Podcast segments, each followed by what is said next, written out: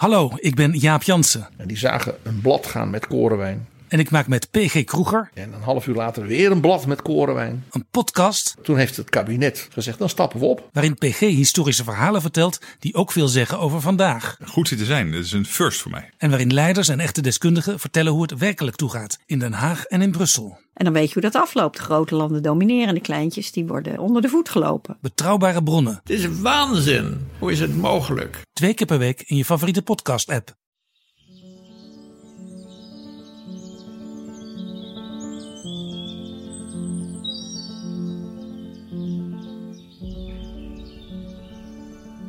Doe je ogen even dicht.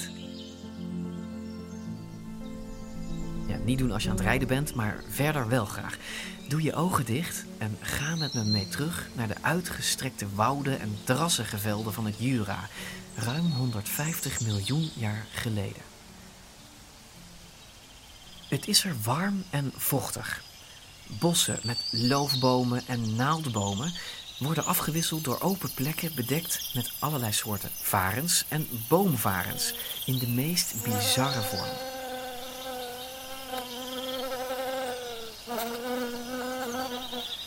We zitten in het regenseizoen en dat voel je. De grond is een beetje drassig. En je ziet ze niet, maar je hoort dat tussen en onder het gebladerte talloze kleine riviertjes en stroompjes lopen. En ook de diplodocussen hoor je nog voordat je ze ziet.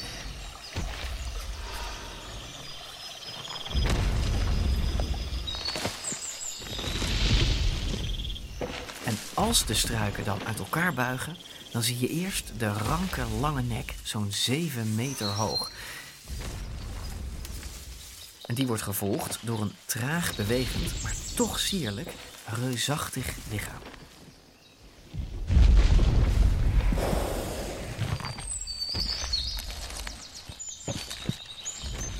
Het is zo groot dat je je hoofd in je nek moet leggen. En uitkijken dat je niet overlopen wordt. Want je bent zo klein dat deze giganten je geen blik waardig keuren. Ook de jonkies niet. Ze weten waar ze heen willen. De sappige jonge toppen van de coniferen aan de rand van het woud.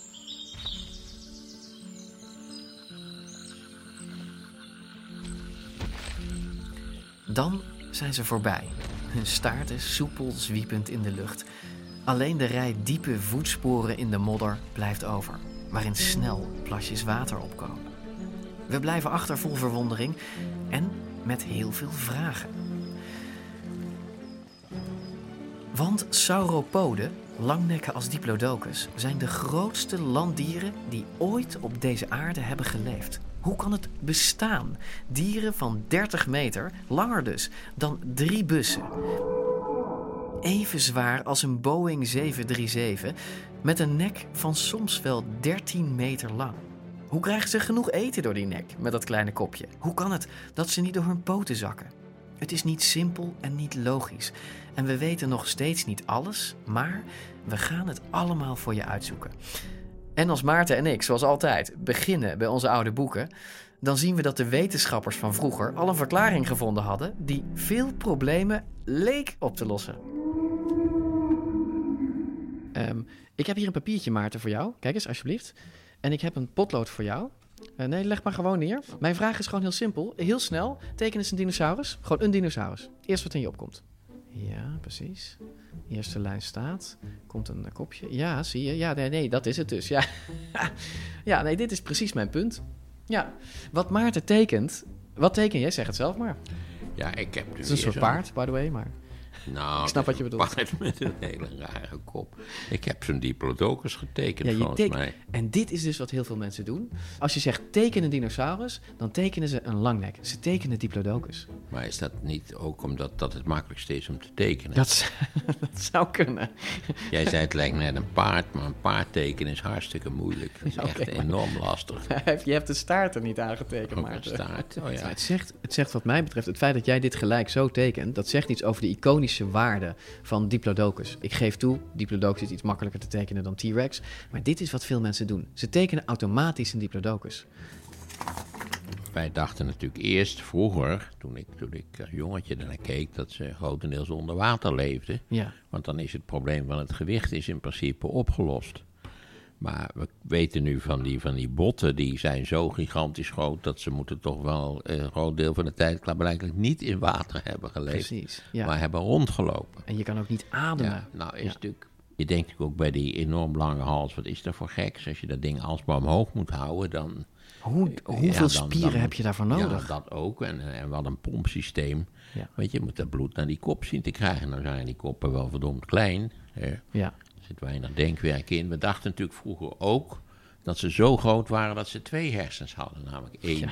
In de, in de voor, voorin, zal ik maar zeggen. En één zo'n beetje ter hoogte van het Ja, staartbordje. die, die de staart dan bestuurde en de achterpoten. Nou, dat gaan wij natuurlijk even checken. Want wat wij gaan doen is wij gaan praten met Koen Stijn. Dat is de beroemdste en ik denk wel de leukste paleontoloog van, eh, van heel Vlaanderen. Hij is eigenlijk zeg maar een beetje de Anne Schulp van, eh, van België. En we, we spreken hem in een van de mooiste dinosaurusmusea ter wereld, durf ik te beweren. Het Koninklijk Museum voor Natuurwetenschappen in Brussel. Het museum met, hè, zo zeggen ze zelf dan, de grootste dinozaal van Europa. En het is ook wel een immens museum, hè Maarten? Het is prachtig. Het is een laat 19e eeuws museum. Eh, België zat goed in het geld, denk ik, tegen die tijd. Blijkbaar, ja. En het, is, eh, al, het museum zelf is al lollig, want die zaal die is, is ook typisch laat 19e eeuw met van die gietijzeren zuiltjes. Maar het is ook een schitterende collectie. Ik weet niet hoeveel van die enorme dieren er wel niet staan. Het gaat maar door. Ze hebben daar dus een diplodocus staan, hè, een jonkie. Eh, maar wat hebben we nog meer gezien? Allosaurussen, iguanodons, triceratops, stegosaurus, eh, you name it, eh Velociraptor. En Ze- nog een hele lollige mammoet, maar goed, dat valt een beetje buiten ons kader. Ja, maar toch. maar het is een prachtig museum om te zien. Nou, en daar gaan we natuurlijk alles halen bij Koenstein wat we kunnen bedenken over Diplodocus. En dan reizen we door naar het Oertijdmuseum. Dat kennen we nog van de vorige aflevering, want daar zijn ze bezig om een Diplodocus ja, uit de stenen te bevrijden Ja. en om te bouwen tot een topattractie. Hè? Maar, de- maar hoe doe je dat precies? Nou, dat, dat weten dat we. laten ze daar goed zien. Als je, als je een keer een plaatje van een skelet ziet van zo'n dier, dan zie je wel dat dat een omvangrijke puzzel is om dat ding weer in elkaar te krijgen. Ja, het is een soort IKEA-kast zonder bouwplan. Ja, je moet wel weten hoe, hoe, waar wat is. Maar Dat moet je van paleontologen zeggen. Ze hebben maar drie botten nodig en dan, Ja, ik weet het hele model. ja, dan hebben ze al een heel aardig idee van... Voordat we eh, eh, echt gaan beginnen, eh, aan het eind van de aflevering eindigen we, zeg ik alvast, met een, ja, een heel bijzonder sprookje. Met in de hoofdrol Dippy de Diplodocus. Dat zie je vanzelf. Welkom bij DinoCast.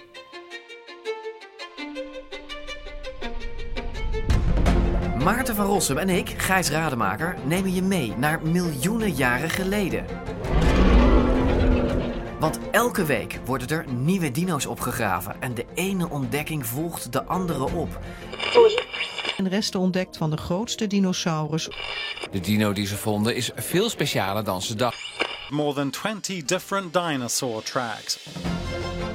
Vergeet alles wat je dacht te weten over dinosauriërs. Het is tijd voor een nieuwe kennismaking met onze oude vrienden. In de podcast voor iedereen die vroeger al van dino's hield en nu nog steeds een beetje. Welkom bij DinoCast.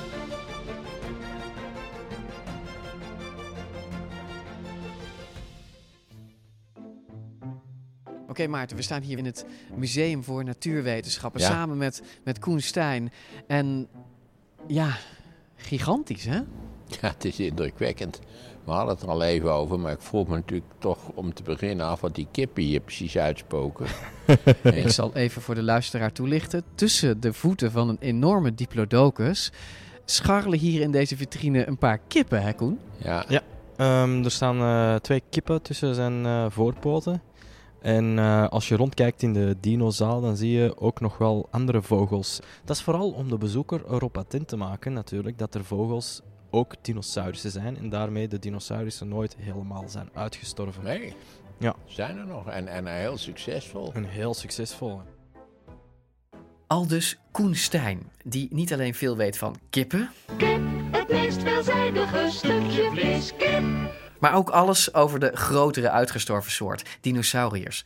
Zijn specialisatie? Precies de dieren waar we nu naast staan. Sauropoden, langnekken, zoals Diplodocus.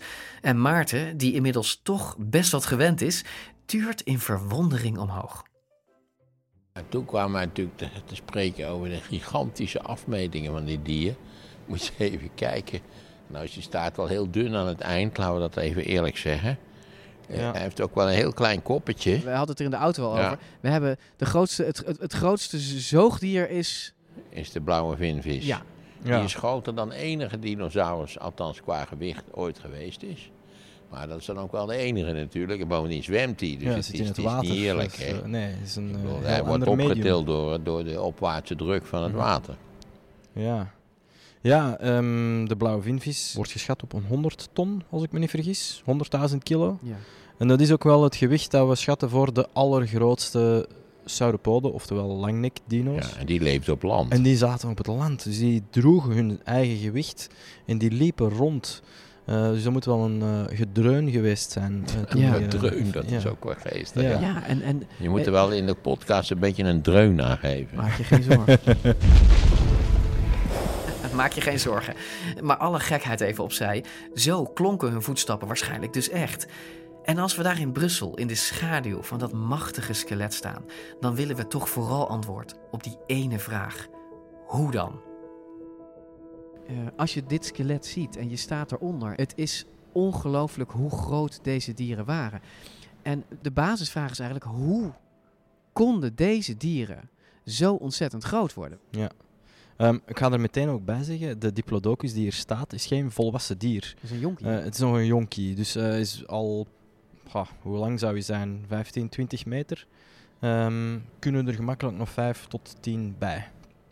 En er zijn een aantal eh, kenmerken van die langnek-dino's die ertoe hebben bijgedragen eh, dat ze zo groot kunnen worden.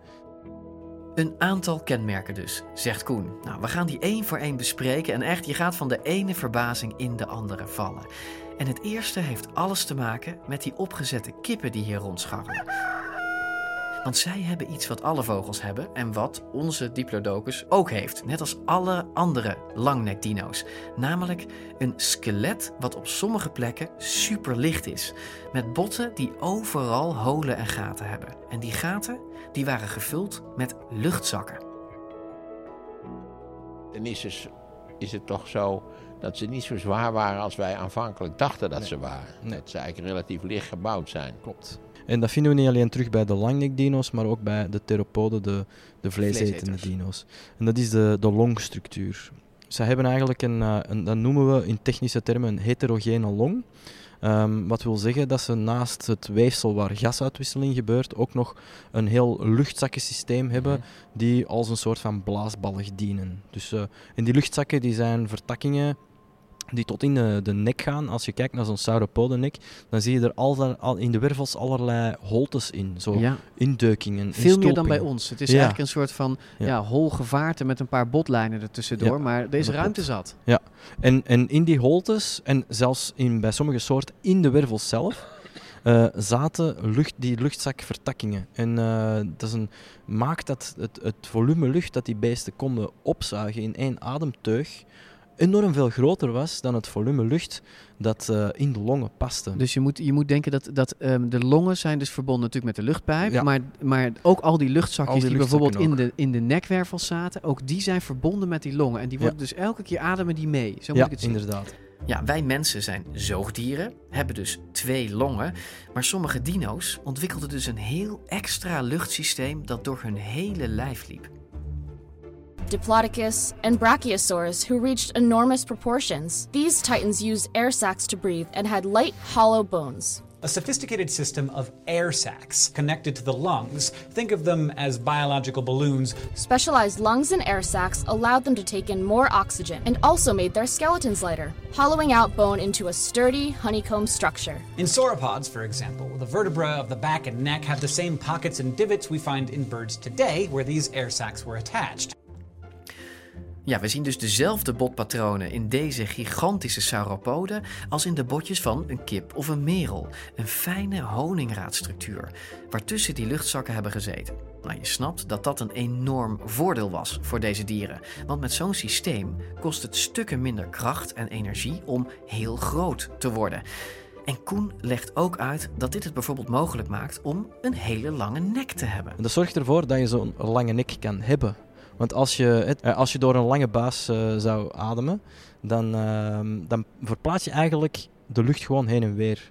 Eh, en door, door dan een groter longvolume, door al die, die vertakkingen, dan krijg je die uitgeademde lucht er ook effectief uit en kan je verse lucht terug inademen. Ja, je moet eigenlijk een veel grotere capaciteit hebben als je zo'n lange buis hebt, zeg maar. Dat klopt, ja.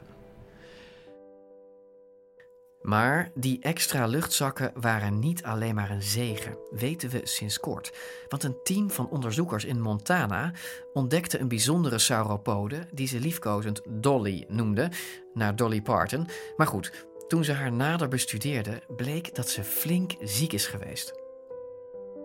The animal, now called Dolly, probably had an infection that's similar to a fungal infection that's found even today in birds. And before death, she would have suffered from the same symptoms that many of us feel today when we have a lower respiratory infection fever, difficulty in breathing, tightness in chest, and probably a cough. Ja, stel je dus een langnekdino voor met koortsige oogjes. Zo nu en dan kwam er uit de lange nek een heese hoest. Ja, ze had vast ook veel last van slijm en een brandend gevoel in longen en keel. Het dier heeft echt, echt flink geleden. Dat weten we omdat we de gevolgen van dit virus tot in haar botten kunnen terugzien. With Dolly, the fossil showed that there were three bones in her neck which had abnormal growths that had formed in response to the infection in the lungs, in the air sacs. The bones had been crushed and sheared and were very misshapen. Ja, dit was dus een soort vogelgriep, maar dan voor een hele, hele grote vogel. Dolly's nekwervels raakten zwaar vergroeid. En de wetenschappers zagen ook geen sporen van genezing in die botten. Dus dat kan betekenen dat Dolly er zelfs aan is overleden.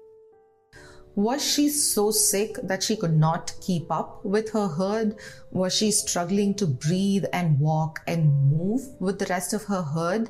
Did she die of the disease itself, or did she fall back and get left behind and then get hunted, which is not at all uncommon in the animal kingdom? Ja, we zullen het natuurlijk nooit echt weten. Terug naar Brussel, waar Maarten en ik nog steeds bij Koen en zijn diplodocus staan. Die dus, weten we nu, een licht skelet had.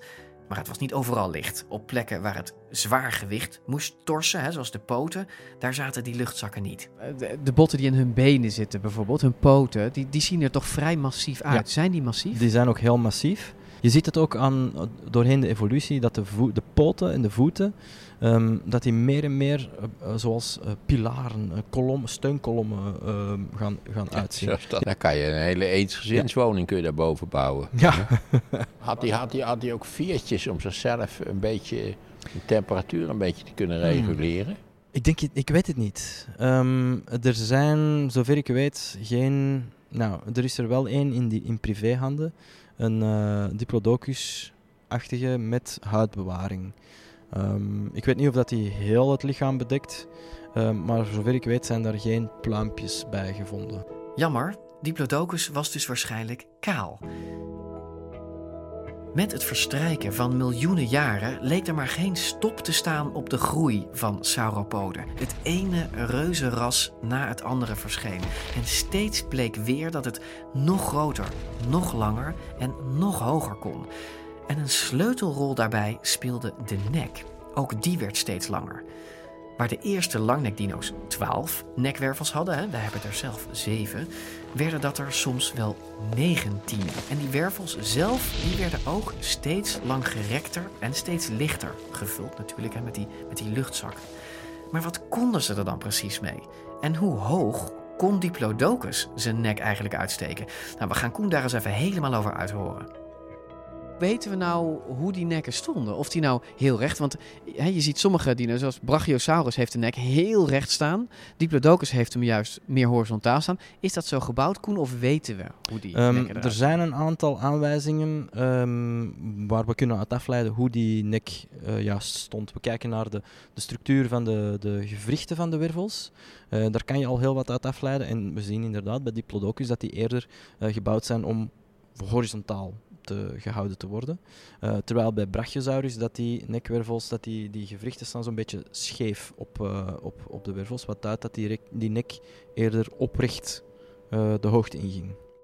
Oké, dus de stand van de nekwervels is één aanwijzing. Dat Diplodocus zijn nek dus helemaal niet hoog in de lucht stak, maar ongeveer horizontaal hield. En er is nog een trucje om dit te weten te komen. Kijken in de kop van het dier. Er is nog een manier om het te zien en dat is het uh, binnenoor.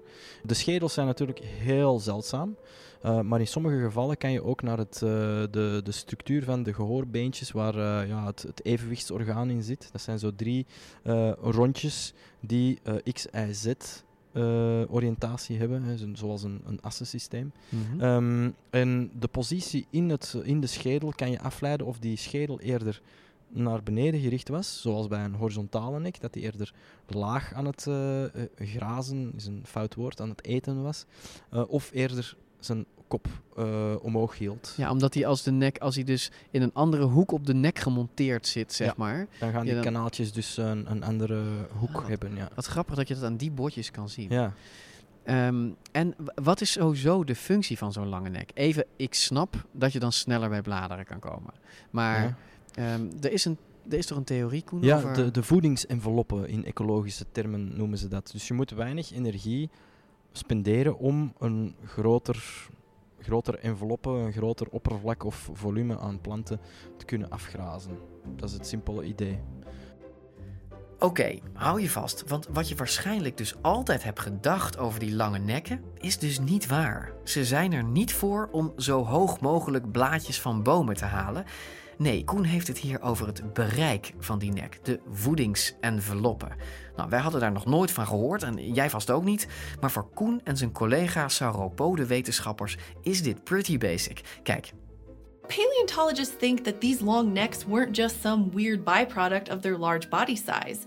Instead, they actually made it possible for sauropods to become as massive as they did. Having a long neck expanded a dinosaur's feeding envelope. Essentially, a feeding envelope is the space within which an animal can reach food without having to move around too much. After all, moving consumes energy, so the less you have to move in order to get your food, the better. Diplodocus's long neck made it easy to reach deep into these wetlands and eat ferns and other plants without ever getting its toes muddy. As a result, Diplodocus was able to access food that other large herbivores like Stegosaurus couldn't, and carve out a space for itself where it didn't compete with other herbivores. Dat maakt ook dat zo'n Diplodocus in dezelfde omgeving kon leven als een Brachiosaurus, omdat ze andere voedsel bronnen aan, uh, aanspraken. Ja, want je ziet zo ontzettend veel soorten mm -hmm. uh, sauropoden, langnekken, um, die soms ook tegelijkertijd leefden. Ja. ja. je krijgt medelijden met de begroeiing. Ja, inderdaad. Kijk, als ze te veel op zouden hebben gegeten met z'n allen, zoals jij impliceert, is het gauw afgelopen, nou hij dood. Uh, dus kennelijk was er een evenwicht tussen wat de natuur aanbood aan groeikracht. En ik weet niet, heb je je tuin wel eens twee jaar laten verwilderen? Dat schiet heel hard nou, op. Joh, dan ja. kun je een tapir in dienst nemen om de beesten, om de nee, maar de grap, op de te grap laten is eten. dus inderdaad dat als elke dinosaurus een ander deel van de begroeiing eet, dat je dan wel veel soorten hebt die tegelijk kunnen voorkomen, omdat ze andere stukjes eten. Ja, klopt. En, dat, ja, en dat maakt natuurlijk uh, uh, een interessante diversiteit die wij nu kunnen bestuderen. Eigenlijk wat jij bedoelt, Koen, net met wat jij zei met die enveloppen, zeg maar, is dat um, uh, het dier kan natuurlijk ook verder lopen. Ja. Uh, dan zet hij stappen naar een volgende boom. Ja. Um, dat kost meer energie. Ja. En uh, dan kan hij dus eigenlijk, zeg jij, met zijn nek is het makkelijker. Ja, inderdaad. Dan blijft hij gewoon staan en uh, graast hij heel de boom kaal. Zonder dat hij zich moet verplaatsen. Of, of een heel struikgebied uh, van, van ja, noem maar op, cicaden of paardenstaarten of uh, planten die to toen tegenkwam. Um, zonder zich te moeten verplaatsen. Is dat, ja, als, je, als je telkens moet, moet stappen... Dat is ongekende een... luiwammers eigenlijk. Ja, eigenlijk wel, ja. heel efficiënt. Ja, heel efficiënt. Ja. En het, het, um, het, het lijkt ook een beetje een soort stofzuiger dan. Ja, en dat was het ook. Uh, want ze hebben geen maaltanden natuurlijk. Met zo'n klein kopje, daar krijg je geen kou-tanden uh, in. Nee, het moet allemaal door dat, ze moeten allemaal door dat kopje. Allemaal door dat kleine mondje. Um, daar moest een kubieke meter per dag... Een kubieke meter, een kub per dag door ja. dat kopje. Hij was hem, ik zei nou een luiwammers, maar ja. qua kou- en slikvermogen was het wel een ijverig beest. Ja, hij koude dus niet. Want nee. hij, er zitten geen kiezen in het Slik. systeem. Nee, hij heeft enkel zo van die pinvormige ja, ja, dat die ze tandjes. Ja, en ritste dan ja, uh, precies, de, de, takken of blaren ritst hij af en dan slik in één keer door. Dus dat, ik zie het gaan door de nek. Mhm. Hap, hij schraapt het af met die, met die tandjes. Ja. Dan gaat het door deze nek. En dan komen we bij een gigantische buikholte. Ja. Dan heeft hij nog niks aan vertering gedaan natuurlijk. Nee, ja, Hoe- misschien speeksel. Misschien maar speeksel, daar, weten we natuurlijk niets Ja, van. Ja. maar dat moeten we, anders kun je niet zo- zo'n Nee, zo'n lange nek doorslikken. Dus het zal er wel bij zijn. En dan, en dan? Want lang verteringstijd. Er is heel lang gedacht dat die dieren ook eh, maagstenen inslikten. Ehm, maar dat blijkt niet te kloppen. Omdat eh, ehm, ja, het, het zijn vooral, waarschijnlijk zijn het rivierkeien die regelmatig gevonden worden. Ehm, en die karkassen worden natuurlijk meestal in een riviersysteem teruggevonden. Ja, waar je die keien heel frequent krijgt gewoon. Ehm, Keien zijn er gewoon ingespoeld die zijn er- lang dood was. Ja, inderdaad. Dus die zijn gewoon in die buikholte gespoeld. Ehm, en het verteringssysteem was waarschijnlijk gewoon een heel efficiënte gisting, vergistingstank. Dit was een wandelende chemische fabriek. Ja. Dat Maar- moet haast wel, toch? Want wat mij opviel was dat jij zei dat het heel lang duurde. Ja. Waarom duurt het lang? Ja, omdat je al die, die ongekoude voedselresten moet fermenteren. Je moet ze, zoals je al zei, eh, chemisch afbreken door middel van samenwerking met eh, micro-organismen, met eh, bacteriën en zo. Dus eh, daar heb je gewoon een, een lange tijd voor nodig. En, en ja, met zo'n grote romp lukt dat ook wel, want je krijgt er ook een heel lang spijsvertering, spijsverteringsstelsel in weggestopt. Ja. En dan komt er een drol uit ter grootte van een eh, complete hond of zo. Ik zou het ja, weten, denk aan eh. die olifantendrollen. Ja. Ja. Goed, we hebben al een paar redenen waarom sauropoden als eh, Diplodocus zo groot konden worden. Ze ontwikkelden een sterk skelet, hè, wat gevuld was met luchtzakken, waardoor ze ook nog eens makkelijker konden ademen met een lange nek. Nou, die lange nek die zorgt er weer voor dat het je nauwelijks energie kost om grote hoeveelheden groenvoer te bereiken. Nou ja, en je voedsel dan niet eens kauwen, maar afschrapen en dan langzaam verteren in je gigantische maag- en darmstelsel. Al met al dus een super efficiënt systeem wat zo min mogelijk energie kost. En we zijn nog niet klaar, want weet je wat ook veel energie kost? Het maken en grootbrengen van kinderen. Hoe groter je bent als dier, hoe meer moeite dat kost. Ja, dus je voelt hem al hangen. Onze energiezuinige sauropoden waren helemaal niet zulke goede ouders. Als diplodocus baby in het ei werd je niet gekoesterd en bebroed, hè, zoals we bij andere dino's zien. Nee, je werd met tientallen tegelijk in een kuil gedumpt en in de steek gelaten.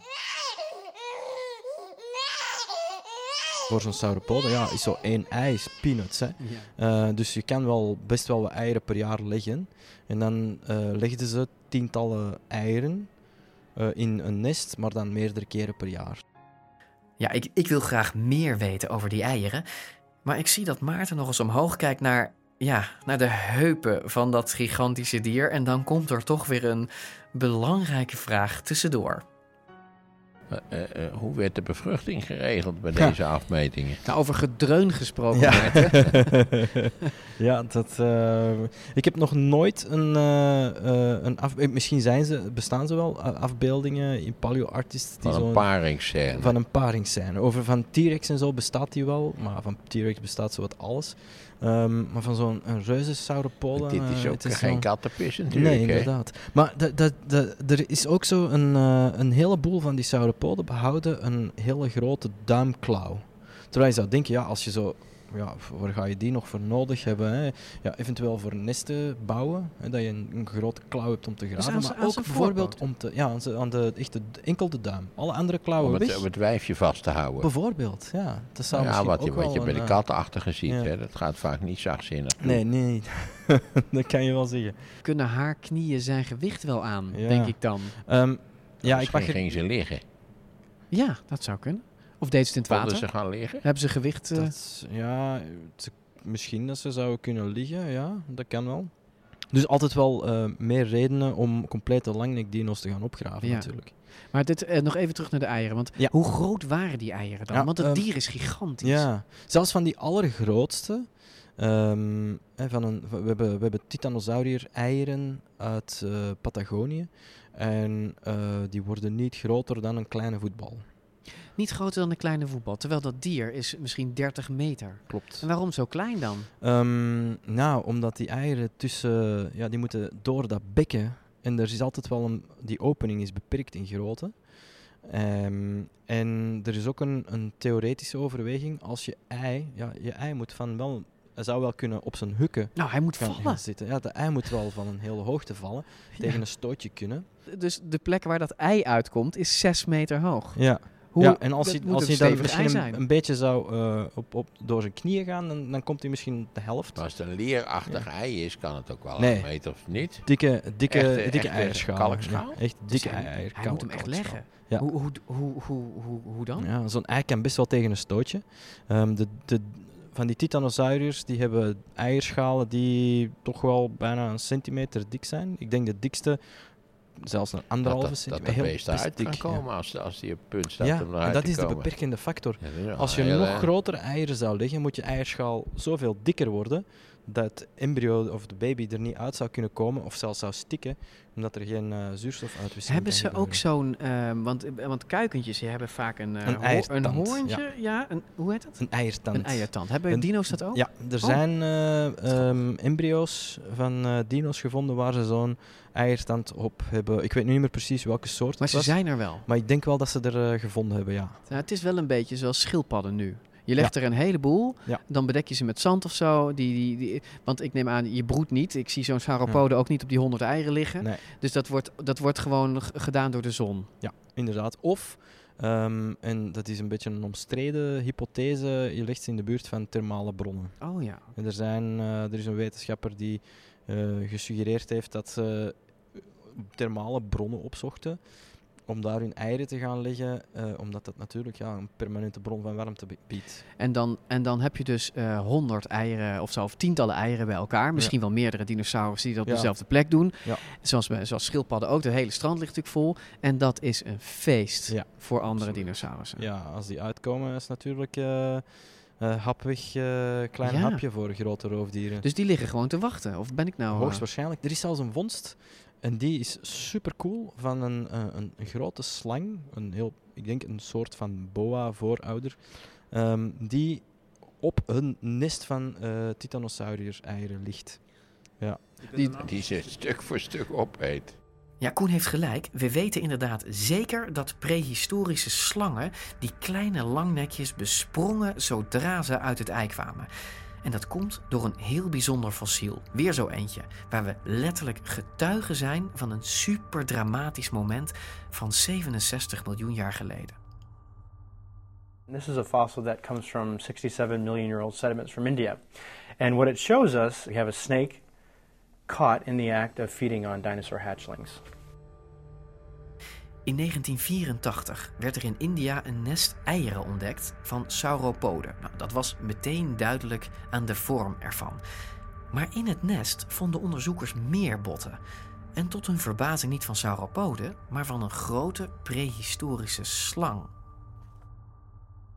And when the specimen was clean, it revealed an extraordinary fossil that I had no idea it was going to be uh, underneath some of the sediment. So we found a skull.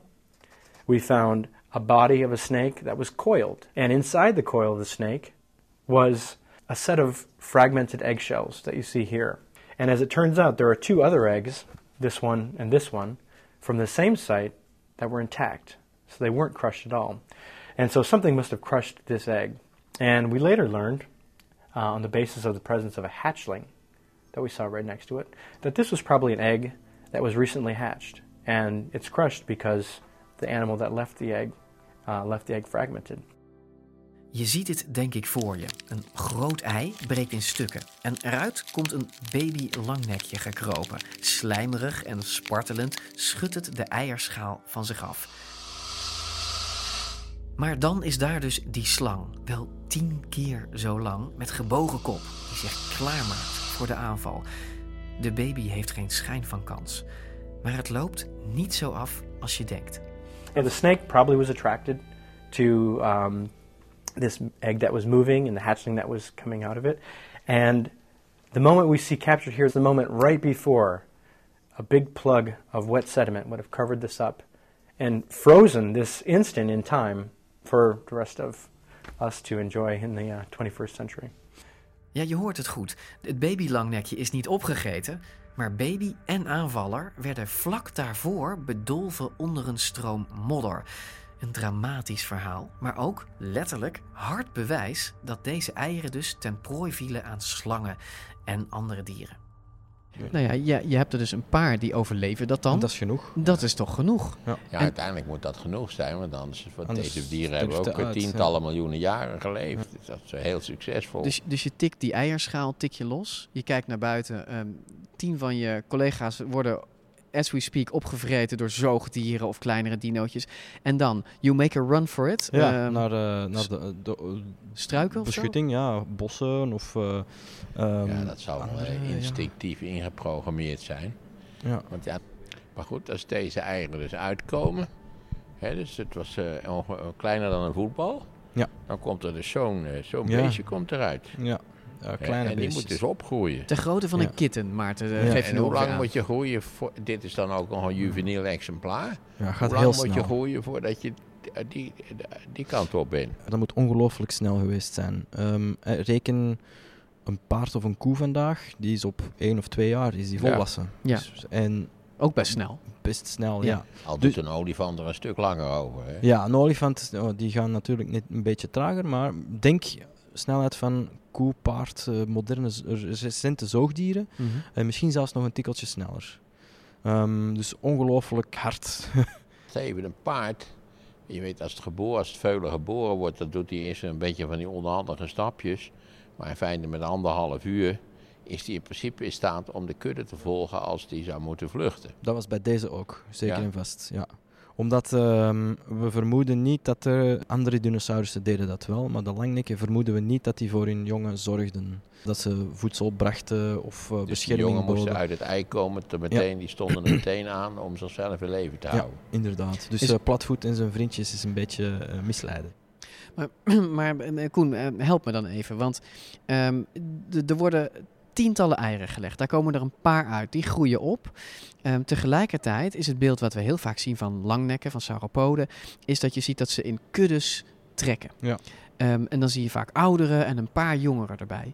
Ehm, hoe verenigen we dat dan met elkaar als de Ja. jonkies alleen zijn? Sluiten ze zich dan aan bij volwassenen om Ja, op een bepaald moment in de, in de eerste jaren gaat het eh, moeilijk zijn voor de hele kleintjes, de net uitgekomen. Het eerste jaar gaan ze sowieso niet mee kunnen met de kudde.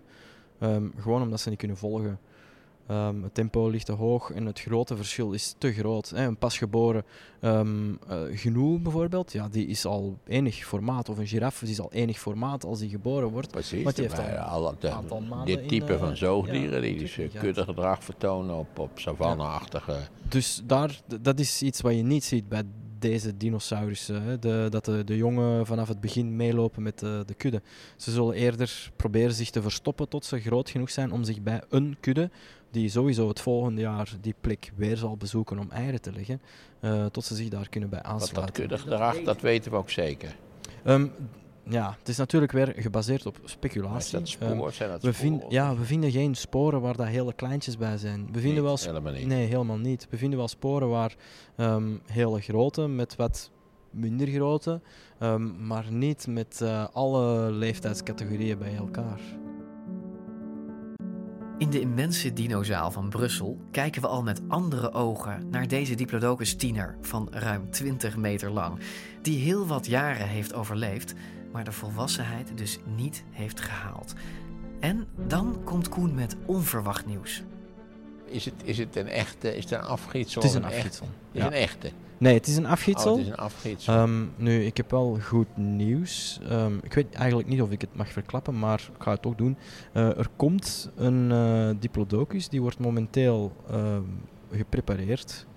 Um, ik weet wel niet hoe lang dat nog zal duren uh, en wanneer die dan uiteindelijk hier tentoongesteld zal worden, maar hij komt wel.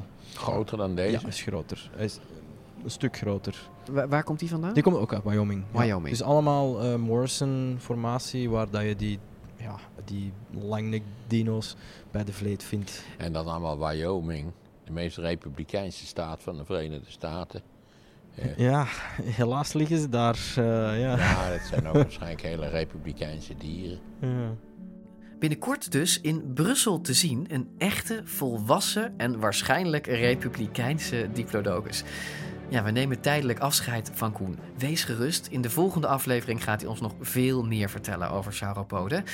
Maar we verhuizen nu even naar Nederland. Naar het Oertijdmuseum, waar ze namelijk ook een echte diplodocus in elkaar aan het zetten zijn. Maarten en ik zijn te gast bij conservator en vriend van de show, hè, Jonathan Wallaert, in zijn Dinolab. En dat is een echte schatkamer. Ja, er wordt hier even een heleboel herrie gemaakt, want hier wordt geprepareerd nog steeds. Ah, dit is geweldig. We lopen hier in een soort ja, laboratoriumomgeving eh, met stellingkasten met allemaal prachtige grote dozen erop. Waarin, eh, hier staat Apatosaurus op, right skull parts. Want dit Ehm, moet allemaal nog uitgeprepareerd worden. Ja, eigenlijk wat we hier onderop zien staan, zien we natuurlijk gipspakketten. Waar we een aantal botten hebben liggen die netjes ingepakt zijn in een laag aluminiumfolie en gips voor bescherming tijdens transport. Ja. En eh, ja, die komen hier eigenlijk aan en wij pakken ze weer uit en pellen dan heel voorzichtig al het gesteente eraf. En uiteindelijk komen daar botten uit tevoorschijn. We lopen verder naar de ruimte waar vrijwilligers die grote brokken steen te lijf gaan met allerlei gereedschappen. Het zijn de laatste stukken diplodocus die moeten worden bevrijd. De laatste puzzelstukjes van een enorme operatie. Ja, Hallo. Komen, komen u even storen? We komen jullie storen als het mag. Nou, dit zijn Maarten en eh, ik ben Gijs. Nog een keer, alsjeblieft. Ik ben Erika, hoi. Hi Erika. En ja, wat is dit? Nou, jullie kijken hier naar een, eh, een diplodocusbot. En niet zomaar een bot. Dit is een borstwervel. Een borstwervel, Ja. Maarten. Ja. Ja, die zijn bij mij een stuk kleiner. Ja, diplodocussen waren ook net een maatje groter dan mensen. Wij hebben in seizoen 1 hebben we best wel, Maarten, hebben we gezien, hebben, heeft Jimmy ons verteld hoe je dus iets vindt in, in de Badlands van Wyoming. En hoe je dat inderdaad verpakt met gips en omwikkelt en dan naar, naar Nederland transporteert. Nou, dat was voor Naturalis. Jullie zijn hier van het Oertijdmuseum. Jullie hebben ook zo'n lab waarin je dus dit soort brokken krijgt. Ehm, ehm, en, en, en dan? Want dit is niet het grovere werk. Dit is het fijne werk. Kun je vertellen hoe dat, wat je precies doet als je zoiets bewerkt?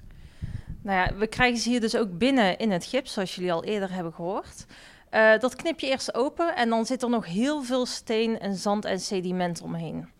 Dat ga je heel voorzichtig weghalen. En daar hebben we een aantal gereedschappen voor. Nou, laat zien. Wat heb je? Een, eh, een krabbertje. En dit is eigenlijk eh, wat we het meest gebruiken. Het lijkt heel erg op wat ze bij de tandarts ook Ik gebruiken. zeggen, Nou, dit heb ik gisteren tussen mijn kiezen gehad, dit ding. Ja, Inderdaad. Nou, die gebruiken wij dus om heel voorzichtig... om de tandsteen te verwijderen. Eigenlijk wel. Alleen dan gewone steen. Maar, wat, maar ben je niet bang dat je, ehm, want dat is scherp materiaal.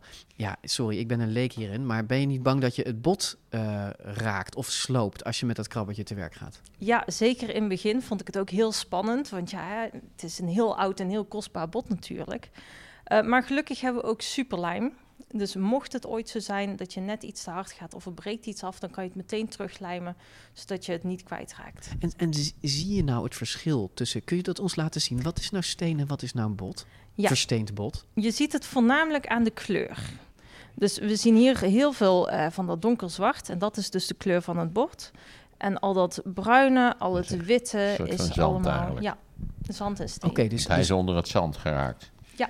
Hoe lang ben je bezig voordat dit voluit geprepareerd is? nog wel een paar dagen.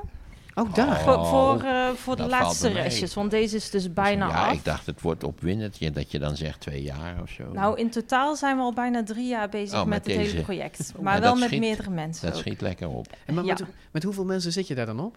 Ongeveer? Volgens mij een vrijwilliger of 50. 50 Ja. mensen? Dus iedere dag komen hier andere mensen die samen aan dat ene dinosaurus-skelet werken.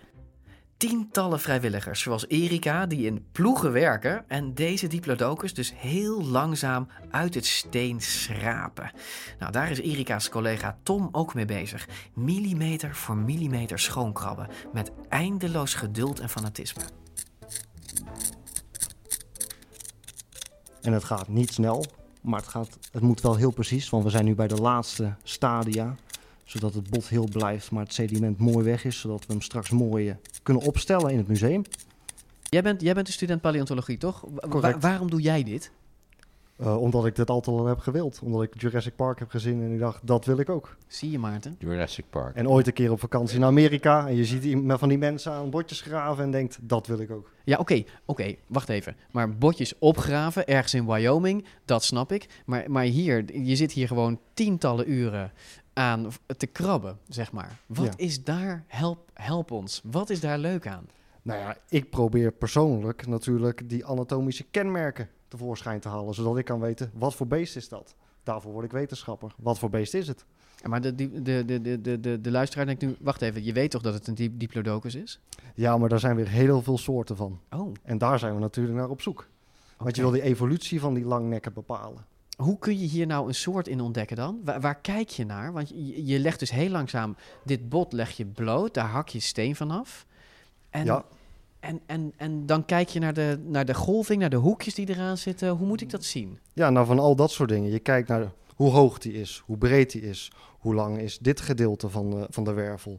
Uh, zit dit hoog of zit het laag? Uh, is zijn in deze inderdaad in een rond? Is dit inderdaad wel gesplitst of zit het samen, zoals bij okay. andere langnekken? Want jullie hebben hem al gedetermineerd. Je weet al wat het is. Uh, ja. Nou, daarover zometeen meer.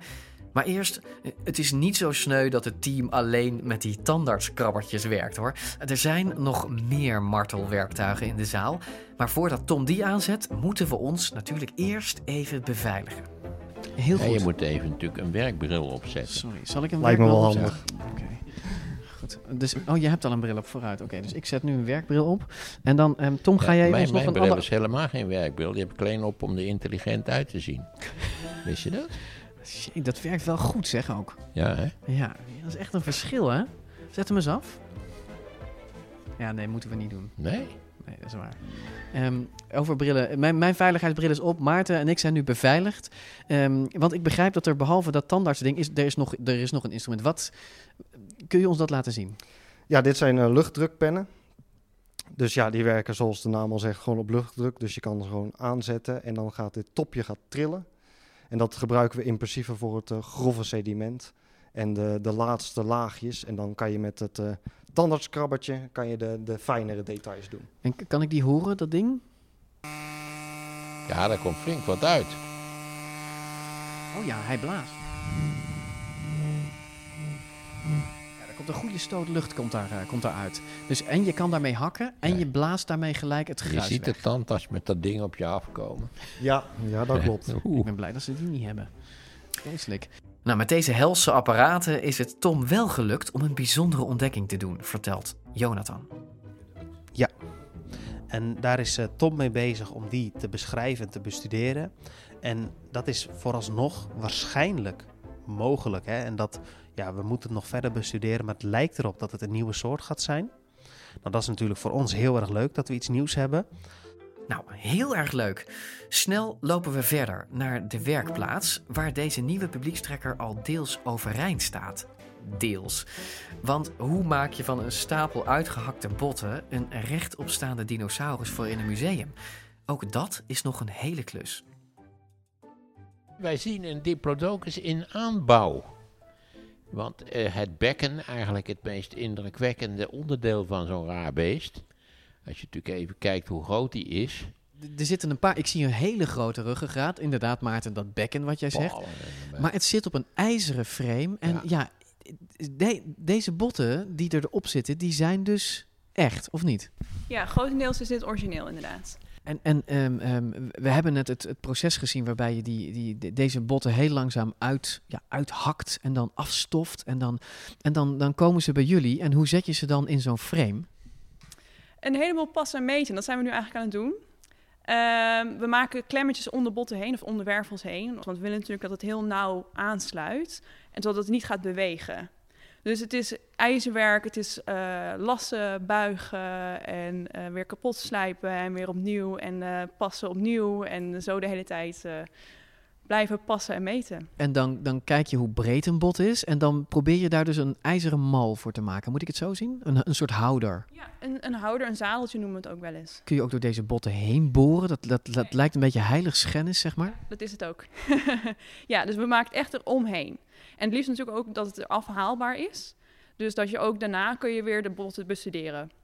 Dus dat, daar zorgen we echt voor. Dat, het bot zelf mag niet beschadigd worden. Het origineel zeker niet. Vertelt Lina ons, dochter van de beroemde preparateur Aart Walen, die zo lief is om het masker wat ze gebruikt om te lassen even opzij te klappen om Maarten en mij uit te leggen hoe je dus van tientallen, nee, nee honderden botten één dino maakt. Hebben jullie ook voorbeelden van? Van, van, van die, de- deze diplodocus die al elders opgericht zijn? Ja, ik heb, mijn vader heeft al vaker gemaakt.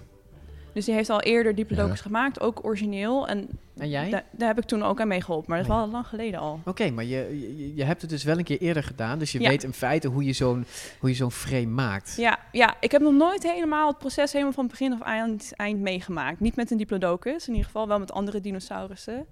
Dus dit is voor mij ook wel, het is wel een heel groot project. En we zijn ook wel heel erg ons best aan het doen. Hoe, hoe, hoe moet ik dat zien? Er hangt dus echt een hele grote plaat aan de muur met al die botjes. Hoe weet je nou, eh, er staan geen nummers op of zo, bij- zoals bij mijn bouwplaten. Hoe weet je nou welke ruggenwervel waar moet? Passen en meten. Oké, dat Dus- is echt een proces van onderzoeken. Ja, dus echt kijken van oké, welke is de volgende, waar past die? Ja, zoals inderdaad hier op tafel ligt. Oh ja, want dit hier, ik het zie is hier... van groot naar klein, bijvoorbeeld. En je hebt een soort verloop in de wervels, dus je kan het wel, eh, je kan het wel zien. Hier zie ik C3, C2, C5. Dit is C4 dan, ja. Nou, dat zijn al hele mooie, Hele mooie eh, voorbeelden. bouwtekeningen. Er moet best wel wat aan gemodelleerd worden, dus dan kunnen we dat eh, Ja. als voorbeeld gebruiken. Nou ja, wat is modelleren dan vervolgens? Eh, heel vaak missen er bijvoorbeeld delen. De delen die missen, die moeten gemodelleerd worden. Ja, gemodelleerd, dat doe je... Hoe doe je dat? met gips eigenlijk. Met gips. Acrylic One heet dat. En dat is een hele harde gips. Daar werken we voornamelijk mee. Oké, en en, en die deeltjes maak je dan dus bij? Of is het ook zo dat je bijvoorbeeld een halve echte ruggenwervel pakt en er Ja. dan een deel aan vastzet, zeg Ja, maar? ja. En dat beschadigt dat originele deel niet? Nee, nee, nee, dat, nee, dat kan natuurlijk niet. Je moet het wel aan elkaar plakken natuurlijk, want Ja. anders dan werkt dit niet. Maar we mogen niet het origineel eh, beschadigen. Ik krijg steeds de ambitie om ook fossiel te worden. Ja, dat is een leuke ambitie. Ja. Ik wil je wel opzetten dan. Precies, ja. nou, maar dit is een deal die heb je al Ik binnen. moet eerst, Ja. ik moet eerst verkiezelen. Ja, ja dat eh, duurt nog wel even. Ja, Ja, dat- Kunnen we gewoon versnellen hoor. Ja, dat Ja? bestaat ook. Ja. Gewoon in een kalkbadje en... eh, Dat moet ik eens overwegen, toch? Hij kan hierop terugkomen, jongens. Jullie hebben het nu beloofd dat jullie hem één verkiezelen en Ik twee eh, hem vind het opzetten. een hele leuke uitdaging. Zou, het zou wel een Oh, publiekstrekker zijn voor het. Oertijdmuseum, Wel, Maarten. Ja. Homo sapiens van Rossemi. Ja. Nee, ontzettend bedankt dat we dit even mochten zien. Ja, onze dank. ja, graag gedaan. En met de Van Rossemi sluiten we ons bezoek aan het Oertijdmuseum bijna af. We hebben nog één vraag aan Jonathan. Een vraag waar je zelf vast ook benieuwd naar bent. Zo één als die hier nu bijna staat opgesteld. Zo'n dier. Wat kost dat? En hoeveel eh, leg je neer voor een diplodocus? Ja, dat is een hele goede vraag. Dat heeft eigenlijk te maken met een paar factoren. Ten eerste is natuurlijk, hoe compleet is die? En ook natuurlijk kijkende naar, zit er bijvoorbeeld een schedel bij? Zitten bepaalde belangrijke botten erbij? Want hè, je kan wel zeggen, ik heb 30% van het skelet compleet, ik heb alleen een staart. Ja, dat is natuurlijk heel wat anders dan 30% van het lichaam. En ik heb ook een voorpoten en zijn achterpoten en ik heb helemaal niks van de staart. Dus daar wordt naar gekeken en ook de individuele kwaliteit van de botten. Hoe goed is die kwaliteit en hoe mooi zijn die botten? En dat bepaalt eigenlijk wat voor eh, waarde daaraan gegeven wordt. En ook preparatietijd. Is er al aangeprepareerd en hoeveel is er aangeprepareerd? En dat zijn eigenlijk de factoren die meetellen. Eh nou ja, een diplodocus skelet ongeprepareerd in slechte toestand. Ja, dan zit je al gauw aan 1, 1,5 ton te denken aan aanschafprijs als je hem koopt van een ander museum. Dus zonder op te graven. Ja. Dat zijn ook de opgraafkosten die daarbij komen kijken. Maar stel je voor, hij is compleet. Alles zit erop en eraan. Een hoofd, hij is geprepareerd. Je hoeft hem alleen nog even in de in, in Meccano-doos in elkaar te zetten. Wat, maar hoe is het dan? Wat is de prijs dan? Nou, als je een diplodocus wil die echt goede kwaliteit heeft en mooi compleet, ja, dan zit je al gauw 2,5, 3 miljoen. En dat is op zich een fors geldbedrag, Ja. maar wel veel minder dan bijvoorbeeld vleeseters. En dat heeft weer te maken met die marktwerking, dat een vleeseter Voordat je het weet, meer... hebben we het over die Velociraptor. Ja, die miljoenen uiteindelijk doet wel. als je Nou ja, er en- eentje vindt. En T-Rex natuurlijk. Ja, die doen natuurlijk die doen zo Ja, 30 dat- miljoen. daarom. hè? Ja. Nou ja, en wat jullie nu natuurlijk hebben gedaan, is jullie kopen eh, gedeeltes van diplodocussen eh, op die nog in het steen zitten, dus die je zelf moet prepareren. En dat drukt natuurlijk ontzettend de prijs. En dan heb je een leger van vrijwilligers nodig met heel veel tijd en heel veel liefde. En dan heb je dus eh, tegen de tijd, denk ik dat deze podcast live is, Maarten, staat er bij jullie, denk ik, in ieder geval één echte diplodocus. Ja, daar gaan wij hard voor aan de slag. En wie is dat dan? De Kirby. Ja, Kirby. Dus als jullie, als jullie naar het Oertijdmuseum gaan en jullie zien daar Kirby staan, denk dan ook even. Ja, aan alle moeite die gedaan is om dat beest uit de grond geprepareerd hier te laten staan. Ja, bloed, zweet en tranen, letterlijk. Ja, heerlijk toch? Mens moet iets te doen hebben, toch? Ja, en in ons geval, als eh, Kirby straks staat, zitten 30.000 manuren in. 30.000 manuren. Dat is nog eens wat anders dan een Rembrandt of een... Ja, Hè? dat wordt een leuk feestje.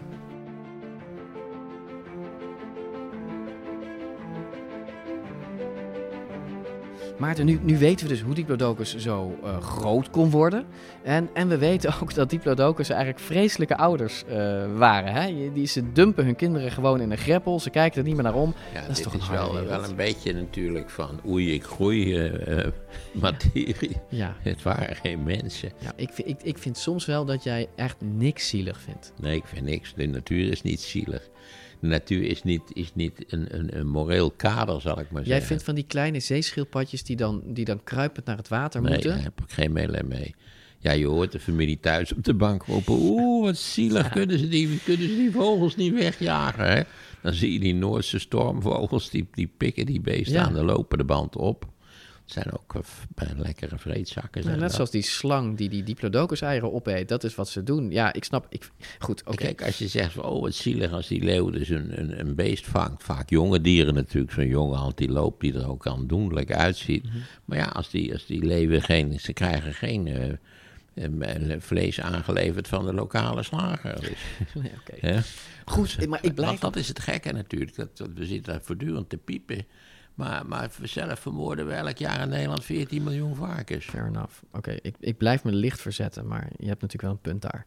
Ehm, en dit is inmiddels de allerlangste Dinocast aflevering aller tijden, Maarten. Maar laten we heel Oh. eerlijk zijn, dat past ook wel een beetje bij het dier, hè, bij de langnek. Hij is nog niet afgelopen, want we hebben nog één heel bijzonder verhaal over Diplodocus. Ja. Een verhaal wat zo bizar is, maar toch waar gebeurt. En dat gaat over de bekendste langnek dino uit de geschiedenis. Een, een, een Diplodocus die Dippy heet.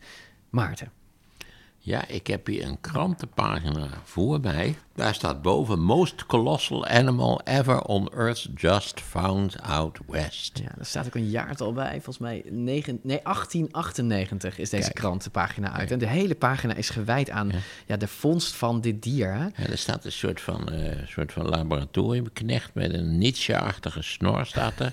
Met een, een bot van, van, van, van dit enorme brontosaurusdier. De Brontosaurus giganteus. Ja, deze man heet volgens mij Professor Reader en die heeft hem volgens mij eh, ontdekt. De krant heeft er weer fantastische dingen bij gezet. Dit is, dus, eh, dit is dus echt heel lang geleden. When it walked, the earth trembled under its weight of 120,000 pounds. And when it ate, it filled a stomach large enough to hold three elephants. When it was angry, its terrible roar could be heard 10 miles. We hebben geen flauw idee of ze wel een terrible roar konden pro- produceren. Dit is dus een- een hè? Waarschijnlijk niet. When it stood up, its height was equal to 11 stories of a skyscraper. Dat klopt, ik tel ze nog even na. 1, 2, 3, 4, Ja, we zien dus een, een, een tekening van een diplodocus die recht op zijn achterpoten staat. Ja. En inderdaad, door de, elfde, door de ramen van de elfde verdieping kijkt. Hè? Ja, je zult dan maar aan een bureautje hebben gezeten en dat beest dat kijkt naar binnen. Ja, hè? het, is, het is echt wel leuk gedaan om de mensen uit die tijd een indruk te geven hoe groot zo'n dier was. Hè? Maar deze krant werd gelezen hè, door de rijkste man van Amerika, toch Maarten? Ah, dat is wel een heel leuk verhaal. Dat is Carnegie. En, eh, iemand die als, als kind uit Schotland geëmigreerd was naar de Verenigde Staten. Daar had hij het zakelijk goed gedaan. Hij was tenslotte de grootste staalmagnaat van de Verenigde Staten geworden. Had een immens vermogen verdiend. En, hij, en, en de Carnegie las dus deze pagina, die zag hij bij het ontbijt. Ergens op een ochtend in New dat York. Moet, dat moet wel schokkend geweest zijn. Nou ja. En, en, en als je al het geld van de wereld hebt, dan denk je natuurlijk, eh, eh, dit wil ik ook. Hij zag natuurlijk dat skelet. En ehm, dat zette dus een hele reeks vreemde gebeurtenissen in gang. Laat je verbazen, lieve luisteraars, door Ilja Nieuwland. Want Ilja, die kennen we natuurlijk van, van, van eerdere afleveringen. Ilja leeft voor dit verhaal. Hij heeft hier een boek over geschreven. En dat boek dat lijkt bijna een sprookje. Hoe Dippy samen met de rijkste man van Amerika op zoek ging naar wereldvrede. Echt waar. Wereldvrede, ja.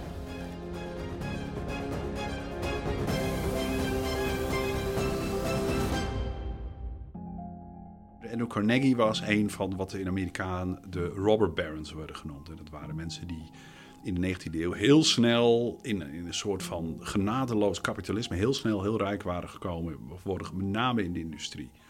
Ehm, Carnegie hield zich met name bezig met uh, staal. En zoals de meeste staalmagnaten was hij ook uh, wapenproducent, uh, spoorwegproducent, et cetera. En op een bepaald moment was hij de rijkste man in de wereld. Hij had toen een vermogen van ongeveer 350 miljoen dollar. wat in hu de huidige maatstaven neerkomt op 60 à 70 miljard. Denk Jeff Bezos-achtige hoeveelheden geld. En op een bepaald moment besluit hij om dat alle, al zijn bedrijven te verkopen. En vervolgens als filantroop alles weg te geven. En dat was ook zijn doel. Hij wilde gewoon al zijn geld kwijt. Dat stuit op enige weerstand bij mevrouw Carnegie. Maar, um, hij kreeg het er wel doorheen. Ja, hij kreeg het er. Nou ja, ik geloof uiteindelijk op 11 miljoen dollar na heeft hij het er allemaal doorheen gejast. En hij deed dat ook via een aantal manieren. Hij stichtte bibliotheken. Er werden een stuk of 300 werden in de Verenigde Staten en Canada, met name de Engelstalige wereld, geplaatst. En dus met het uitdelen van kunst en et cetera. Maar lopende, zo rond 1900, begint die ambitie heel erg te veranderen. En heeft hij in zijn hoofd gehaald dat hij het vermogen heeft om wereldvrede voor eeuwig te creëren. En de manier waarop hij dat wil doen, is door een internationaal systeem van arbitrage in te stellen, waardoor landen die conflicten hebben naar een gerechtshof kunnen stappen om die conflicten te laten uit, uitvechten, in plaats van dat zelf te hoeven doen door middel van een oorlog. Een soort internationaal gerechtshof wat we nu hebben. En, en, nou, de voorganger van het, eigenlijk het internationaal gerechtshof is precies wat, uh, wat Carnegie in, uh, in gedachten had. Oké, we hebben de rijkste man ter wereld die ineens al zijn geld kwijt wil en die het idee heeft dat hij wereldvrede kan scheppen. Nou, dat is op zich al vrij bizar. Maar wat heeft dat met een diplodocus te maken? Nou, alles. Want Carnegie las dus de krant en hij dacht: dit monster wil ik hebben voor mijn museum. Maar toen bleek het er helemaal niet te zijn, dat most colossal animal ever, maar alleen een dijbeen. Het hele verhaal was bluff. Maar als je denkt dat Carnegie zich daardoor liet tegenhouden, no way. De man was gewend zijn zin te krijgen, dus hij moest en zou een dino. Hij zette gewoon zelf een expeditie op naar dat gebied in Wyoming. Nou, wat denk je? Hoe groot is de kans dat je daar meteen een volledige dino opgraaft? Nou, die is natuurlijk minuscuul klein. En toch? En ja, wonder boven wonder. En, en zelfs moderne paleontologen kunnen er nauwelijks over uit hoe uit, uitzonderlijk het is. Ze vinden binnen een half jaar een gigantisch skelet. dus zijn interesse wordt gewekt door die foto. Nou, die dino is niet compleet, maar die kan hij dus ook niet kopen. Nee. Um, en dan, uh, uh, dan zegt hij, dan doe ik het zelf wel. En dat lukt hem ook nog. Ja. Oké, okay, en dat is Dippy. En dat is Dippy. Dat, dat is, uh, die wordt dan in juli ontdekt. In 1899. Daar maken ze meteen 4 juli van. Want het is waarschijnlijk iets eerder. Want Amerika, Independence Day en zo. En hij wordt dan ook de Star Spangled Dinosaur genoemd. En, maar goed, als PR-actie is het natuurlijk een geweldige, geweldige actie. En ja, die wordt dus op, via het spoor van Carnegie zelf naar Pittsburgh vervoerd. Um, en, en dan, dan begint dus echt het verhaal van Dippy. Dippy was niet de eerste Diplodocus, maar wel een van de meest complete. Nou, het dier werd ook Diplodocus carnegii genoemd en zo heet het nog steeds. Ze gingen hem natuurlijk meteen opbouwen, net zoals ze nu doen in het Oertijdmuseum. En ze maakten er ook een prachtige schets van, die Carnegie als een schat bewaarde. Niet in Amerika, maar... Die uh, prent met die reconstructie hangt in het kasteel van Carnegie in Schotland. Um, nou, dat wordt dus interessant in oktober 1902. Want dan gaat, uh, komt geheel onverwacht de Britse koning, Edward VII, komt bij Carnegie langs in Schotland. En nou, de reden dat Edward daar komt, uh, is eigenlijk vooral om naar de riolering te kijken. Dat klinkt een beetje Bizar Uh, klinkt bizar. ja, maar hij was net koning geworden. Zijn moeder was een jaar daarvoor overleden. En die, die, ja, koningin Victoria had al die paleizen eigenlijk een beetje laten vervallen. Het verhaal wat we over Beatrix ook wel eens gehoord hebben. En um, ja, al die paleizen die moesten dus opnieuw voorzien worden van de nieuwste van het nieuwste termen van, uh, van sanitaire riolering en elektriciteit. En Carnegie was natuurlijk steenrijk en die had dat, Schot, dat kasteel in Schotland van het, ach, het state of the art sanitair voorzien. Dus daarvoor kwam hij met name kijken hoe dat werkte. Hij ging gewoon eigenlijk even bij de buurman kijken hoe hij zijn keuken had ingericht of hoe hij zijn sanitair had geregeld. Ja, en, uh... op de wc zitten bij de buurman. Daar kwam het eigenlijk op. Maar goed, hij wordt rondgeleid. Hij komt het, gaat het allemaal zien. En aan het einde zit hij ja, met Carnegie een sigaar te roken in, uh, in de smoking room. Hij probeert natuurlijk conversatie te maken. En hij ziet aan de muur ziet hij dat die prent hangen. Oh ja, leuk. Weet je, wat, wat is dat voor beest? En Carnegie legt dan uit wat, dat, wat die Dippy is. Hij zegt, oh, daar wil ik er ook wel een van. Hij, dat zal ongetwijfeld, hij zal het niet geëist hebben of zo. Maar goed, Carnegie is dus bezig ondertussen met het idee van die arbitrage, die wereldvrede. En hij was ervan overtuigd dat de manier omdat dat hij zelf daar een speelfunctie in vervulde. Uh, en met name door allerlei staatshoofden en koningen en keizers en presidenten te overtuigen om mee te gaan met dat systeem. En Carnegie telt meteen één en elkaar op. Ik denk, ja, ik heb hier de koning, laten we deze gelegenheid gebruiken. Hij wil dat, dus ik geef hem dat. En ga meteen met zijn museum weer bellen. Ja, ik wil er nog heen om aan de Engelse koning te geven.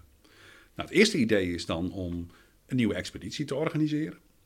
Nou, William Holland is de, die directeur van het museum. En die zegt, nou ja, uh, Andy, we hebben een beetje geluk gehad de vorige keer. Hè? Dit gaat niet zomaar weer lukken. Er liggen niet tientallen diplodocus nee. uh, daar in die... Nee. nee. En, hij, en hij zegt, ja, maar waarom doen we geen kopie? Weet je wel, maken we een afgietsel ervan. Dus dat is het idee. We, sturen ja. niet, we, gaan, we, gaan, we gaan niet een aparte diplodocus opgraven, um, maar we maken een, uh, een kopie. Ja. En die sturen we naar Engeland. En die sturen we naar Engeland. En zo geschieden dus. En zo geschieden. Nou ja, dat was wel een beetje een, een, een, een truc, want een kopie maken van een dinosaurus is nog niet zo eenvoudig. Nog even afgezien van de schalen. We hebben het hier echt over een hele grote dinosaurus. Een mormel is 28 meter lang. En maar het grotere probleem was dat bijvoorbeeld die wervels enorm complexe vormen hebben. Dus puur afgieten kon je niet. Je moest het ook gedeeltelijk nabouwen. Dus dat, dat nam vrij veel tijd. Maar ze hadden dus mallen waarmee ze dat konden doen. Um, en uiteindelijk wordt in uh, april 1905 wordt die Engelse Dippy onthuld in Londen. Nou ja, in, in een vrij grote ceremonie met allerlei beroemdheden. En de enige die er niet is, is de Engelse koning overigens. Die kwam weer niet opdagen natuurlijk. Ja, er is een oude, iets wat korrelige zwart-wit foto van die dag. Stel je een grote zaal voor van het Londense Natural History Museum... met hoog gebogen dak en van die mooie oude vitrinekasten tegen de hoge muren. En die zaal die zit chockvol met meer dan 200 Britse wetenschappers en politici. Allemaal een zwart pak, allemaal man, met in hun midden, hoog boven iedereen uittorenend, Dippy de Diplodocus. Ja, het was een grote dag voor Carnegie. En natuurlijk baalde hij wel dat de koning er niet bij was. Maar in de wereldpers was dit wel het persoonlijke cadeau van hem aan de koning. En vooral dat telde. En, en uh, dit was dus een cadeau aan de Britse kroon, zeg maar. Ja. Um, kwamen daar voorwaarden bij? Want ik kan me voorstellen, kijk, hij wilde natuurlijk dat idee van die, van die, van die wereldvrede realiseren. Ja. Dus... Het, het, was een, een, geschenk aan het British Museum of Natural History, wat nu het Natural History Museum is in South Kensington, via de koning. Geregeld. Maar wat kreeg hij daar dan voor terug? Hij kreeg er voor publieke erkenning vooral voor terug. Dat hij de, de, donat, de donateur was van dat skelet. En ook publieke erkenning dat hij, uh, nou ja, een beetje één op één kon praten met die Engelse koning. Dat hij als gelijke werd gezien door die Britse koning. Nou, het gaf hem dus eigenlijk een soort van diplomatieke statusverhoging. Ja, precies. Dat, dat, ik denk dat je het vooral in dat kader moet zien. En dat zie je ook bij die diplodocussen die daarna worden weggegeven. Ja, want die dat, voorwaarden dit, dit worden dus de door. hele tijd aange... Ja, dit gaat dus door. Precies. De Londense Dippy is pas de eerste en vele zouden volgen. Te beginnen met de echte originele Dippy in Pittsburgh in 1907. Ook dat was geen klein feestje. Het is een gigantische manifestatie. De eerste dag komen er, ik geloof op de eerste dag zijn er 40.000 mensen in dat uh, museum. Wat overigens tot nie, de kniehoogte vol zit met spuugtabak, omdat iedereen in die tijd nog tabak spuwde en op de, grond, uh, op de grond spuugde. Maar het is ook een enorm feest waarbij allerlei diplomaten worden uitgenodigd. En wetenschap, internationale wetenschappers. En het is een beetje ook een soort van ja, consolidatie van dat streven van Carnegie om, dat, om die arbitrage erkend te krijgen. Dus ook daar zie je, bij, bij het feest rondom de onthulling van Dippy, zie je al dat Carnegie dat eigenlijk helemaal in dat kader zet. Ja, zeker. Dus, dus, je, kunt het, je kunt het bijna uh, parallel zien aan, aan die panda-diplomatie van China. Weet je wel? Dat is wel een interessante, interessant parallel ja, gegeven. China die dus panda's op dit moment overal in de wereld uitleent, Ja. te leen geeft. Wat is, wat is hier hetzelfde aan dan? Nou, het, het, het, uh, met, met een zeer duidelijk diplomatiek doel een bepaald gewild object weggeven. En in dit geval beide natuurlijke historie. Waardoor je erkenning krijgt. Waardoor je erkenning krijgt. waardoor je ook een, ja, een beetje een, een, een breekijzer hebt als, om netjes behandeld te worden. Dat is natuurlijk wat bij China ook heel erg meespeelt. En het interessante bij die onthulling in 1907 is dat de, zowel de Franse president als de Duitse keizer vragen bij die gelegenheid of ze er ook eentje mogen hebben. Nou, dat wordt heel belangrijk dat na Engeland dat aan Carnegie gevraagd wordt, dat hij niet aanbiedt, maar dat hem gevraagd wordt of, hij, of die landen ook eentje mogen hebben. En dat is eigenlijk het bewijs dat het werkt. Ja. De, de, de, de wortel die hij voorhoudt aan Ja. die leiders, die werkt dus op de grootste leiders van de wereld op dat moment. Ja, want kunt- Frankrijk je- en Duitsland waren. Nou ja, je, kunt- je kunt er een goede zaak van maken dat op dat moment de Duitse keizer de machtigste man ter wereld is. In elk geval als zodanig gezien wordt. En die vraagt Carnegie dus om een exemplaar. En die vraagt Carnegie via diplomatieke kanalen uiteraard. Hij doet het niet zelf. Um, hoewel, gedeeltelijk doet hij het ook wel zelf. Eh, vraagt hij Carnegie om een, eh, een exemplaar van, dat, eh, van, van afgietsel. Nou, dat wordt vervolgens breed uitgepubliceerd natuurlijk. Ook, ook, ja, Carnegie had ook goede ingangen bij, bij nieuwsmedia. Ehm, in 1908 wordt het zowel in Berlijn als in Parijs, eerst in Berlijn, dan in Parijs, dat is ook nog een beetje een dingetje, eh, wordt, worden de twee kopieën neergezet. En dan volgt de rest. Ja, want Carnegie ging werkelijk los. In 1909 werden de diplodocussen geschonken aan Oostenrijk-Hongarije en koning Victor Emmanuel van Italië. De Russen kregen er één in 2010 en twee jaar later arriveerde er een Dippy-kopie in Argentinië. Er is er tussendoor nog een eh, tijdje sprake van dat de Brazilianen er ook een krijgen. Alleen dat gaat eigenlijk niet door omdat ze naar het idee van eh, Carnegie een beetje te oorlogzuchtig zijn. Dus een conflict met Vene- Venezuela. En hij wil te kosten wat kosten natuurlijk voorkomen dat, dat hij aan een of andere oorlogsstoker dat ding cadeau geeft. Want daar gaat het nou juist om. Het is bijna een bewijs van, van vredelievendheid en beschaafde diplomatie als je zo'n ding in je tuin Ja. hebt. Wat het voor, voor een wapenhandelaar wel een beetje. Iemand Nou. die groot geworden is met wapenhandel. Maar goed, dat is hetzelfde als Alfred Nobel. Hè? Die, die had het eerst dynamiet ontdekt en vervolgens probeert om zich, zijn naam enigszins te zuiveren door die wetenschap eh, heel erg te investeren. Heeft het gewerkt uiteindelijk? Nou ja, het heeft wel en niet gewerkt. Het het heeft wel gewerkt in het feit dat we een internationaal gerechtshof hebben. Maar komt Het dat heeft- ook voort uit het idee van hem? Ja, ja, hij heeft het natuurlijk ook zelf gefinancierd allemaal. Hij heeft het, eh, het, het, het, Vredespaleis in Den Haag is eh, grotendeels, niet exclusief, maar voor het allergrootste gedeelte door Carnegie betaald. Ja, want tegelijk met het uitdelen van diplodocussen doneerde Carnegie geld voor de oprichting van het Vredespaleis, waar nu nog steeds het internationaal gerechtshof van de VN zetelt. Dat deel van het plan is dus gelukt. Maar Carnegie's echte droom, wereldvrede, werd vreed verstoord toen in 1914 een van de staatshoofden die hij vertrouwde en die een diplodocus bezat, keizer Wilhelm II, Rusland de oorlog verklaarde en de wereld in jarenlange ellende stortte.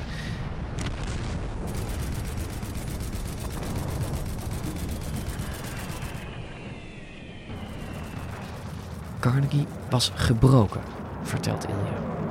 Zijn eh, dochter heeft, eh, heeft eh, memoires geschreven. Die zegt ook dat haar vader in totaal is ingestort op dat moment. Want het was niet alleen dat er oorlog uitbrak. Het was met name dat hij het zo fout had. Je moet je in zoverre voorstellen dat Carnegie, nou ja, je zou zo zeggen, een soort van Trump-achtige zelfverzekerdheid in de oneindigheid van zijn eigen competentie had. Hij bedoel, het- het idee dat hij het zo bij het verkeerde eind kon hebben, dat dit kon gebeuren. En, wat, en met name dat dit kon gebeuren door het toedoen van eh, de Duitse keizer. Een man in wie hij het allergrootste vertrouwen had. ehm, als, als steun in zijn streven voor arbitrage. Dat heeft hem echt enorm aangegrepen. En uiteindelijk is hij overleden in 1919. hè? 1919, ja. Wat was er over van, dit idee, van zijn idee in zijn hoofd toen hij, vlak voordat hij overleed? Ja, dat is een beetje moeilijk na te gaan, omdat eh, hij heeft zich dus in 1915 ook, of 1914 ook volledig uit het publieke leven teruggetrokken. Daarvoor publiceerde hij echt heel veel. eh, schreef heel veel stukken, eh, dus ook krantenstukken en zo, ook boeken. Ehm, en daarna schrijft hij eigenlijk niets meer. Hij wordt volledig stil. Dit is natuurlijk een indicatie van wat er met, de man, met zo'n man gebeurt. Het is natuurlijk een enorme falen van zijn ambitie. Dat is wel duidelijk. Ja, wat, wat, wat de wereld eh, wel daaraan heeft gekregen, zijn natuurlijk prachtige skeletten van, van Dippy, die, nu- die nog steeds nu overal staan. Ja, Dus- precies. Dus dat heeft in elk geval twee wereldoorlogen overleefd. Ja, precies. Want die staan eigenlijk nog steeds in al die musea. Dat is, eh, En ze hebben nu natuurlijk niet alleen een, een dinosauruswaarde, maar ze hebben natuurlijk ook een historische waarde. Ja, omdat het jarenlang de meest geziene dinosaurus ter wereld was. Dit was wel in de tijd voordat iedereen in elke boekwinkel 58 boeken over dinosauriërs kon krijgen. Dus het is enorm invloedrijk geweest. En je ziet ook heel erg dat het door al die landen geappropriëerd is. Dus iedereen heeft het in één keer over zijn Diplodocus. Alsof het een origineel was. En dat is het in zekere zin daardoor dus ook geworden. En nog steeds zijn er, nu meer dan 100 jaar later, in heel Europa de dippies van Carnegie te zien. Ja, Nederland heeft er geen, maar hey, wij kregen het Vredespaleis. Dat is ook leuk.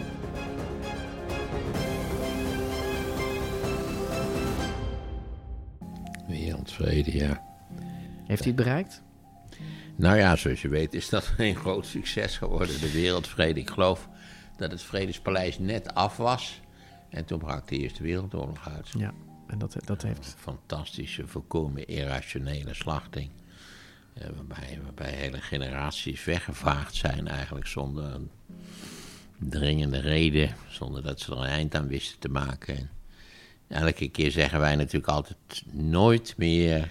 De Volkenbond is opgericht en twintig jaar later was het weer mis. En, en nu zeggen we nog steeds nooit meer. Nooit look- meer. look en wat blijkt, de Russen vinden dat ze slecht behandeld zijn. En die vinden dat ze een beetje van hun macht terug moeten hebben. En kijk eens waar dat toe heeft geleid. Ja.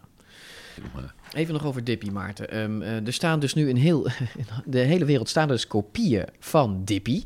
Eh, die dino in, eh, in Brussel waar we naast stonden, hè, de Diplodocus, die was niet echt. Hè, dat noemen ze een cast, heel beleefd. Ja. Dat is gewoon een plastic kopie, zeg maar, of een kunststofkopie. Vind je dat erg, Maarten, als, nee, als dat dinosaurus... kan mij, eh, kan mij niks schelen. Als, die, als het maar goed is, als het maar een goede cast is. Als dat gemaakt is van een oorspronkelijk gevonden, in elkaar gezet eh, diplodocus skelet. Ik heb daar geen enkel bezwaar tegen. Nee. Ik, ik, ik, ik, ik ook niet natuurlijk, want ehm, eh, kopieën zorgen ervoor dat veel meer mensen wetenschap kunnen, eh, kunnen zien en meemaken en beleven. Maar tegelijkertijd vind ik het wel een, een, een toegevoegde waarde hebben als ik weet dat, de, dat botten echt zijn. Dat er Ja, ogen, dat, dat je, de ogen dat je die... hand erop kan leggen. Dat, Nou is, ja, de, ja. dat is de zogenaamde historische sensatie. Ja, dat heb ik dat wel ik, echt. Dat ik op de stoel van Stalin heb gezeten. Nou, heb jij op de stoel van Stalin gezeten? Ja, zeker. Nou, het scheelde niet veel, hij was ingestort. Want kennelijk was of het stoel is wrak geworden, of ik had wegenwoog meer dan Stalin.